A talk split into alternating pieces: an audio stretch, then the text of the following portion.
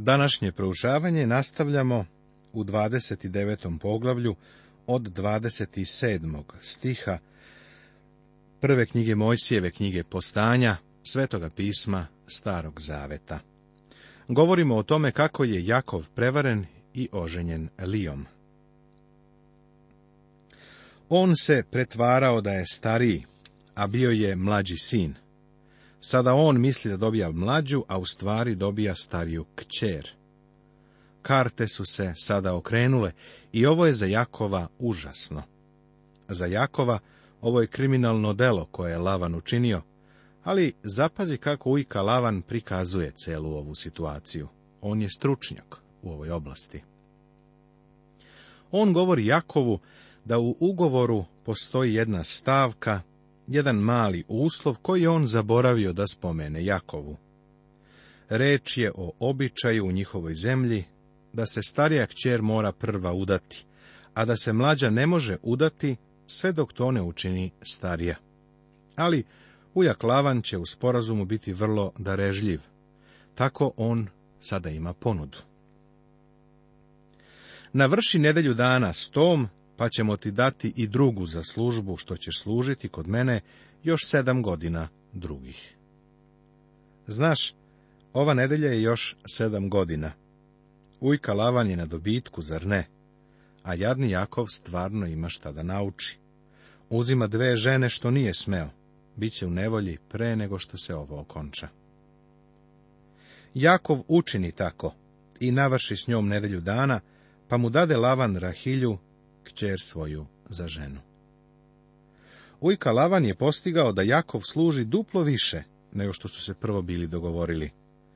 Sedam godina je dovoljno dugo, ali veruj mi, četrnaest godina je baš dugo. Ovaj ugovor je Jakovu dao dve žene. Možda sada ovako razmišljaš. Pošto se ovo nalazi u Bibliji, verovatno Bog odobrava poligamiju. Ne, Bog ne odobrava sve što piše u Bibliji, ovo ćete možda iznenaditi. Na primjer, Bog nije odobrio djevolsku laž. Bog nije odobrio Davidov greh i osudio ga je zbog toga. Ali zapis oba ova događaja je nadahnut, doslovno rečeno Bogom nadahnut. Drugim rečima, Bog je preko pisca, Mojsija, rekao tačno ono što je želeo. Reči koje je Bog dao da Mojsije napiše u knjigu koju nazivamo Biblijom, nadahnute su reči.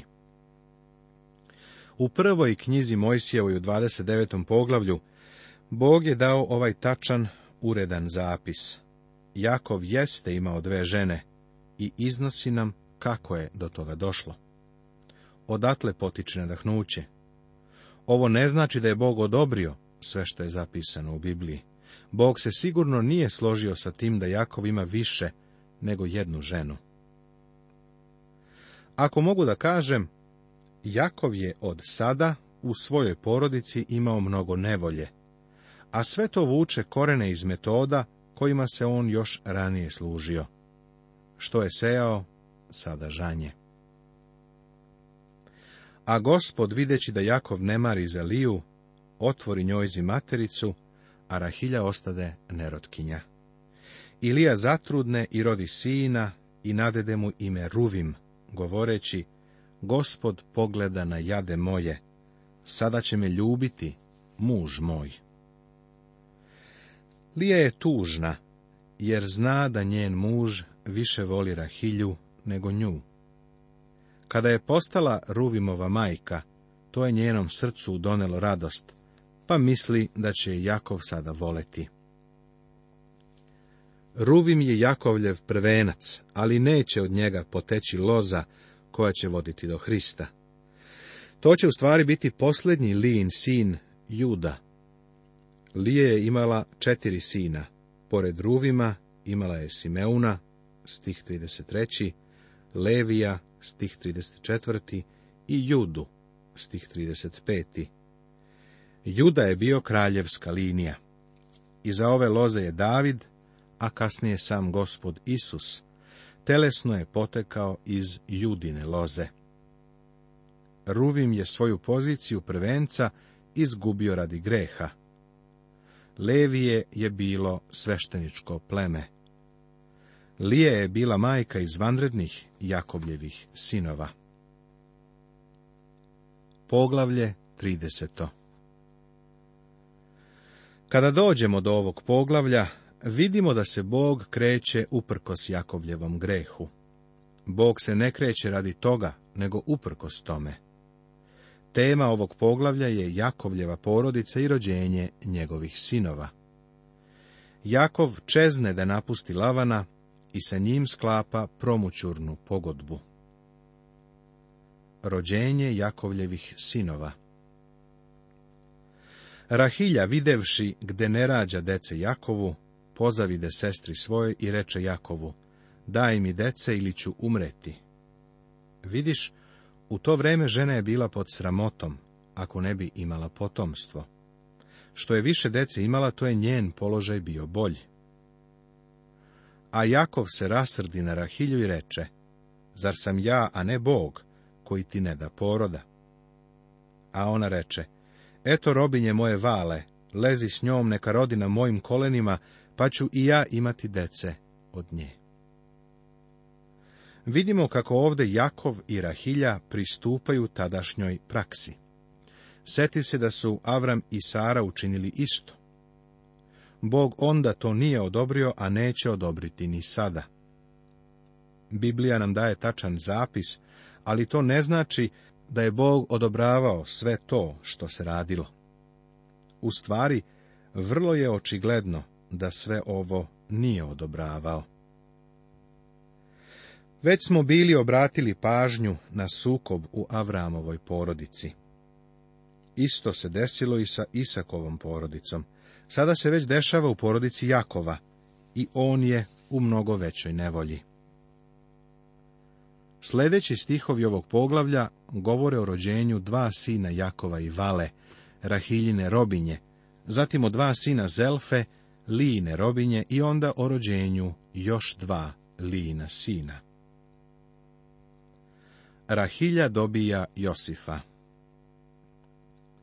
ali se gospod opomenu Rahilje i uslišiv je otvorio i matericu. I zatrudne i rodi sina i reče, uze Bog sramotu moju i nadede mu ime Josif, govoreći, neka mi doda gospod još jednoga sina. Ovo je dečak koji će otići u Egipat. Kasnije u ovoj knjizi pratit ćemo njegov put, jer je on izvanredna ličnost. Kasnije Rahilja dobija i Venjamina. Ovo poglavlje ćemo završiti nabrajanjem dvanaest Jakovljevih sinova, jer su oni vrlo važni. Od njih će poteći dvanaest Izraelovih plemena i konačno i izraelski narod. Jakov se sprema da napusti Lavana. A kad Rahilja rodi Josifa, reče Jakov Lavanu. Pusti me da idem u svoje mesto i u svoju zemlju. Daj mi žene moje za koje sam ti služio, i decu moju da idem, jer znaš kako sam ti služio. Slušaj sada ujka Lavana. On još nije završio, u to možeš biti siguran. A Lavan mu reče, nemoj, ako sam našao milost pred tobom, vidim da me je blagoslovio gospod tebe radi. Ovo je vrlo zanimljivo. Seti se Avimeleha, gerarskog cara, koji se smatrao blagoslovenim što je Isak u njegovoj sredini. Sada je ujka Lavan otkrio da je Bog sa Jakovom i da je blagoslovio njega, Lavana, radi Jakova. Zato ujka Lavan kaže, Čoveče ne žuri, ne ostavljaj me, ja sam blagosloven, pa hoću da ti podignem platu. I još reče, išti koliko hoćeš plate i ja ću ti dati. Jakov je do sada već shvatio da svaki put kada ujka Lavan pravi pogodbu, on izlazi kao pobednik. Jakov je naučio ovu lekciju pa hoće da ode, a Jakov mu odgovori. Ti znaš kako sam ti služio i kakva ti je stoka postala kod mene. Jer je malo bilo što si imao li ja ne dođoh, ali se umnoži veoma, jer te gospod blagoslovi kad ja dođoh, pa kaću i ja tako sebi kuću kućiti. Slušaj kako se Jakov žali. Mi bismo rekli, peva bluz. Kaže, sve što sam iz cele ove službe za tebe dobio jesu dve žene, sa njihove dve robinje i kuću punu sinova. U stvari, u ovom momentu on ima jedanaest sinova. Šta da radi? Kako da ih hrani? Ovako kaže, Bog je tebe blagoslovio i ti si napredovao, a ja nemam ništa. I reče mu Lavan, šta hoćeš da ti dam? A Jakov odgovori, ne treba ništa da mi daš, nego ću ti opet pasti stoku i čuvati, ako ćeš mi učiniti ovo. Da zađem danas po svoj stoci tvojoj i odlučim sve što je šareno i zbiljegom biljegom i sve što je crno između ovaca i što je zbiljegom i šareno između koza, pa što posle bude tako, ono da mi je plata. Drugim rečima, čist rasplod, odnosno mladunci bez ikakvog belega, bit će lavanovi. Sve ostalo, što ne valja, sve što nije lepo umotano od stoke, bit će Jakovljevo. Jakov je rekao, prepusti mi njih i neka to bude moja plata. lavno je ovo zvučalo kao dosta dobar predlog. Tako će mi se posle posvedočiti pravda moja pred tobom, kad dođeš da vidiš zaslugu moju. Što god ne bude šareno ni zbiljegom, ni crno između ovaca i koza u mene, bit će kradeno. A Lavan reče, eto, neka bude kako si kazao. I odluči Lavan isti dan jarce s biljegom i šarene i sve koze zbiljegom biljegom i šarene i sve načem bijaše što belo i sve crno između ovaca i predade sinovima svojim.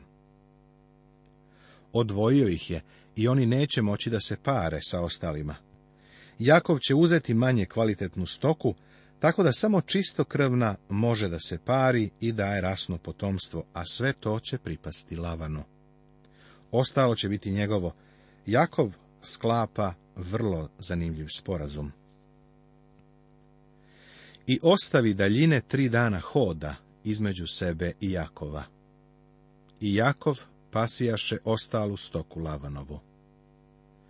I uze Jakov zelenih prutova topolovih i leskovih i kestenovih i nagulih do beline koja beše na prutovima.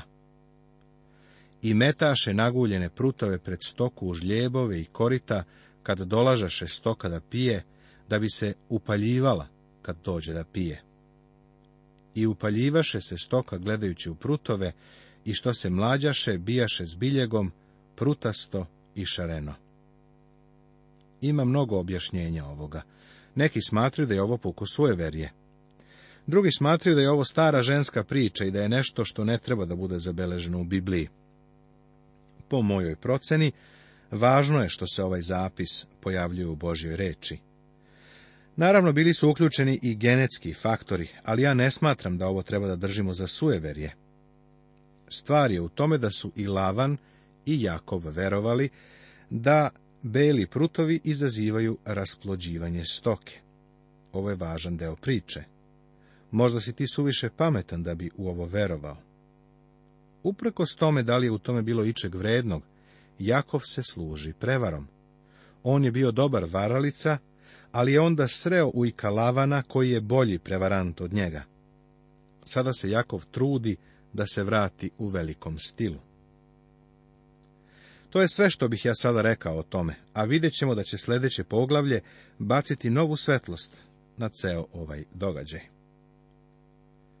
Evo sada spiska 12 Jakovljevih sinova, koji će kasnije sačiniti 12 Izraelovih plemena.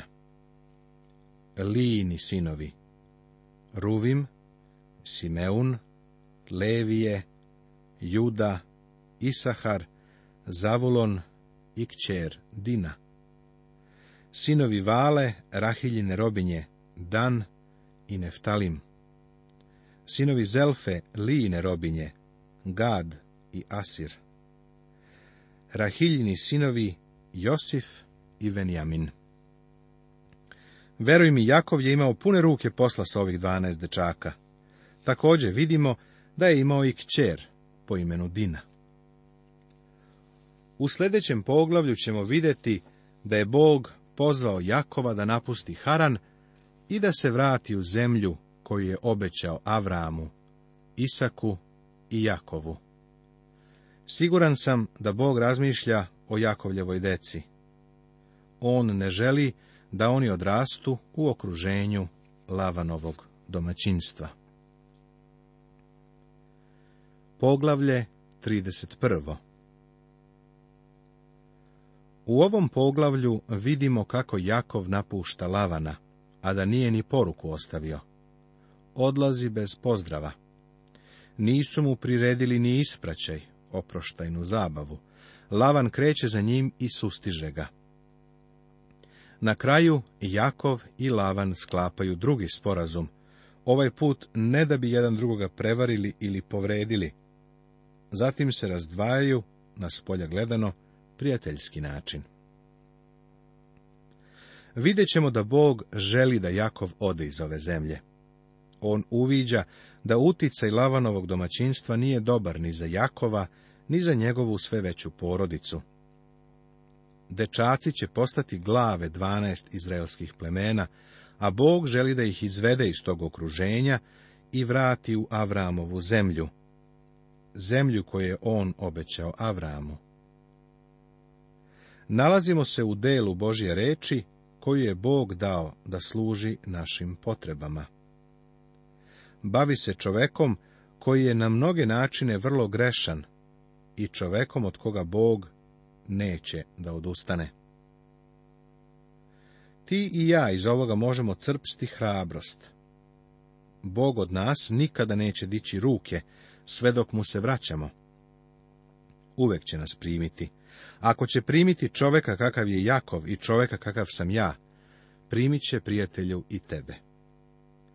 Sjetit ćeš se da je Jakov imao prilično mučno iskušenje dvadesetogodišnjeg boravka kod Ujka Lavana. Ujka Lavan mu je stvarno priuštio kurs na fakultetu teških udaraca, pa jadni Jakov počinje da drhti zbog celokupnog pritiska pod kojim se nalazi. Međutim, od novog sporazuma koji je postigao sa Lavanom o rasplodnji stoke, Jakov počinje da dobija više od Lavana. Lavanu se to ne sviđa, kao ni njegovim sinovima. A Jakov ču gde sinovi Lavanovi govore, Jakov uze sve što beše našega oca, i od onoga što beše našega oca steče sve ovo blago. I vide Jakov gde lice Lavanovo nije prema njemu kao pre. Sada Jakov ima poziv od Boga. I gospod reče Jakovu, vrati se u zemlju otaca svojih i u rod svoj, i ja ću biti sa tobom. I poslav Jakova dozvara hilju i liju u polje k stadu svojemu. Bog poziva Jakova da ode, pa se on sada sprema da to učini. On poziva Rahilju i liju da se nađu u polju, jer se plaši da o ovome razgovaraju kod kuće, jer bi neko od slugu ili čak i Lavanovih sinova mogao to čuti. On ne želi da ga vide kako sa Rahiljom i Lijom kuje planove. I reče im, vidim gde lice oca vašega nije prema meni kao pre, ali je Bog oca mojega bio sa mnom i vi znate da sam služio ocu vašemu kako god sam mogao. U ovome se možemo složiti sa Jakovom i priznati mu to. Naporno je radio, ali sam ja mišljenja da je za ovo zaslužan Lavan. Verujem da je Lavan zarađivao na račun svakoga ko je radio za njega. A otac me je vaš varao i menjao mi platu deset puta, ali mu Bog ne dade da me ošteti Zapazi kako je Lavan za ovih 20 godina deset puta menjao Jakovljevu platu. Siroti Jakov. Ali, kada je bio zaprepašćen i isfrustriran, ne znajući gdje da se okrene, Bog je intervenisao. Kad on reče, što je šareno, neka ti je plata, onda se mladilo sve šareno. A kad reče s belegom što bude neka ti je plata, onda se mladilo sve s belegom. Tako Bog uze stoku ocu vašemu i dade je meni. Jakov objašnjava Rahilji i Liji da ga je Bog blagoslovio do tih razmera da su Lavan i njegovi sinovi postali vrlo ljubomorni na njega. U stvari mrze ga. Sada Jakov navodi pravi razlog zašto želi da ide. A anđeo gospodnji reče mi u snu Jakove, a ja odgovorih evo me. I on reče, podigni sad oči svoje i gledaj. Ovnovi i jarci što skaču na ovce i koze šareni su, s biljegama prutastim i kolastim, jer videh sve što ti čini lavan. Verovatno si mislio da u prethodnom poglavlju nisam dao zadovoljavajući odgovor na ono što se desilo u rasplođivanju stoke. Čekao sam da dođemo u ovaj deo pisma, jer Bog kaže, ja sam to učinio ne treba da tražimo prirodna objašnjenja, jako pouzdano znam da je Bog i jedno od njih koristio. Međutim, pošto nam Bog nije rekao koje je to objašnjenje, jednostavno onda to ne znamo. Ima nekoliko objašnjenja i možeš uzeti koje hoćeš, ali meni se sviđa ovo. Bog kaže, video sam šta ti lavan radi, pa sam te blagoslovio. Nastavit će se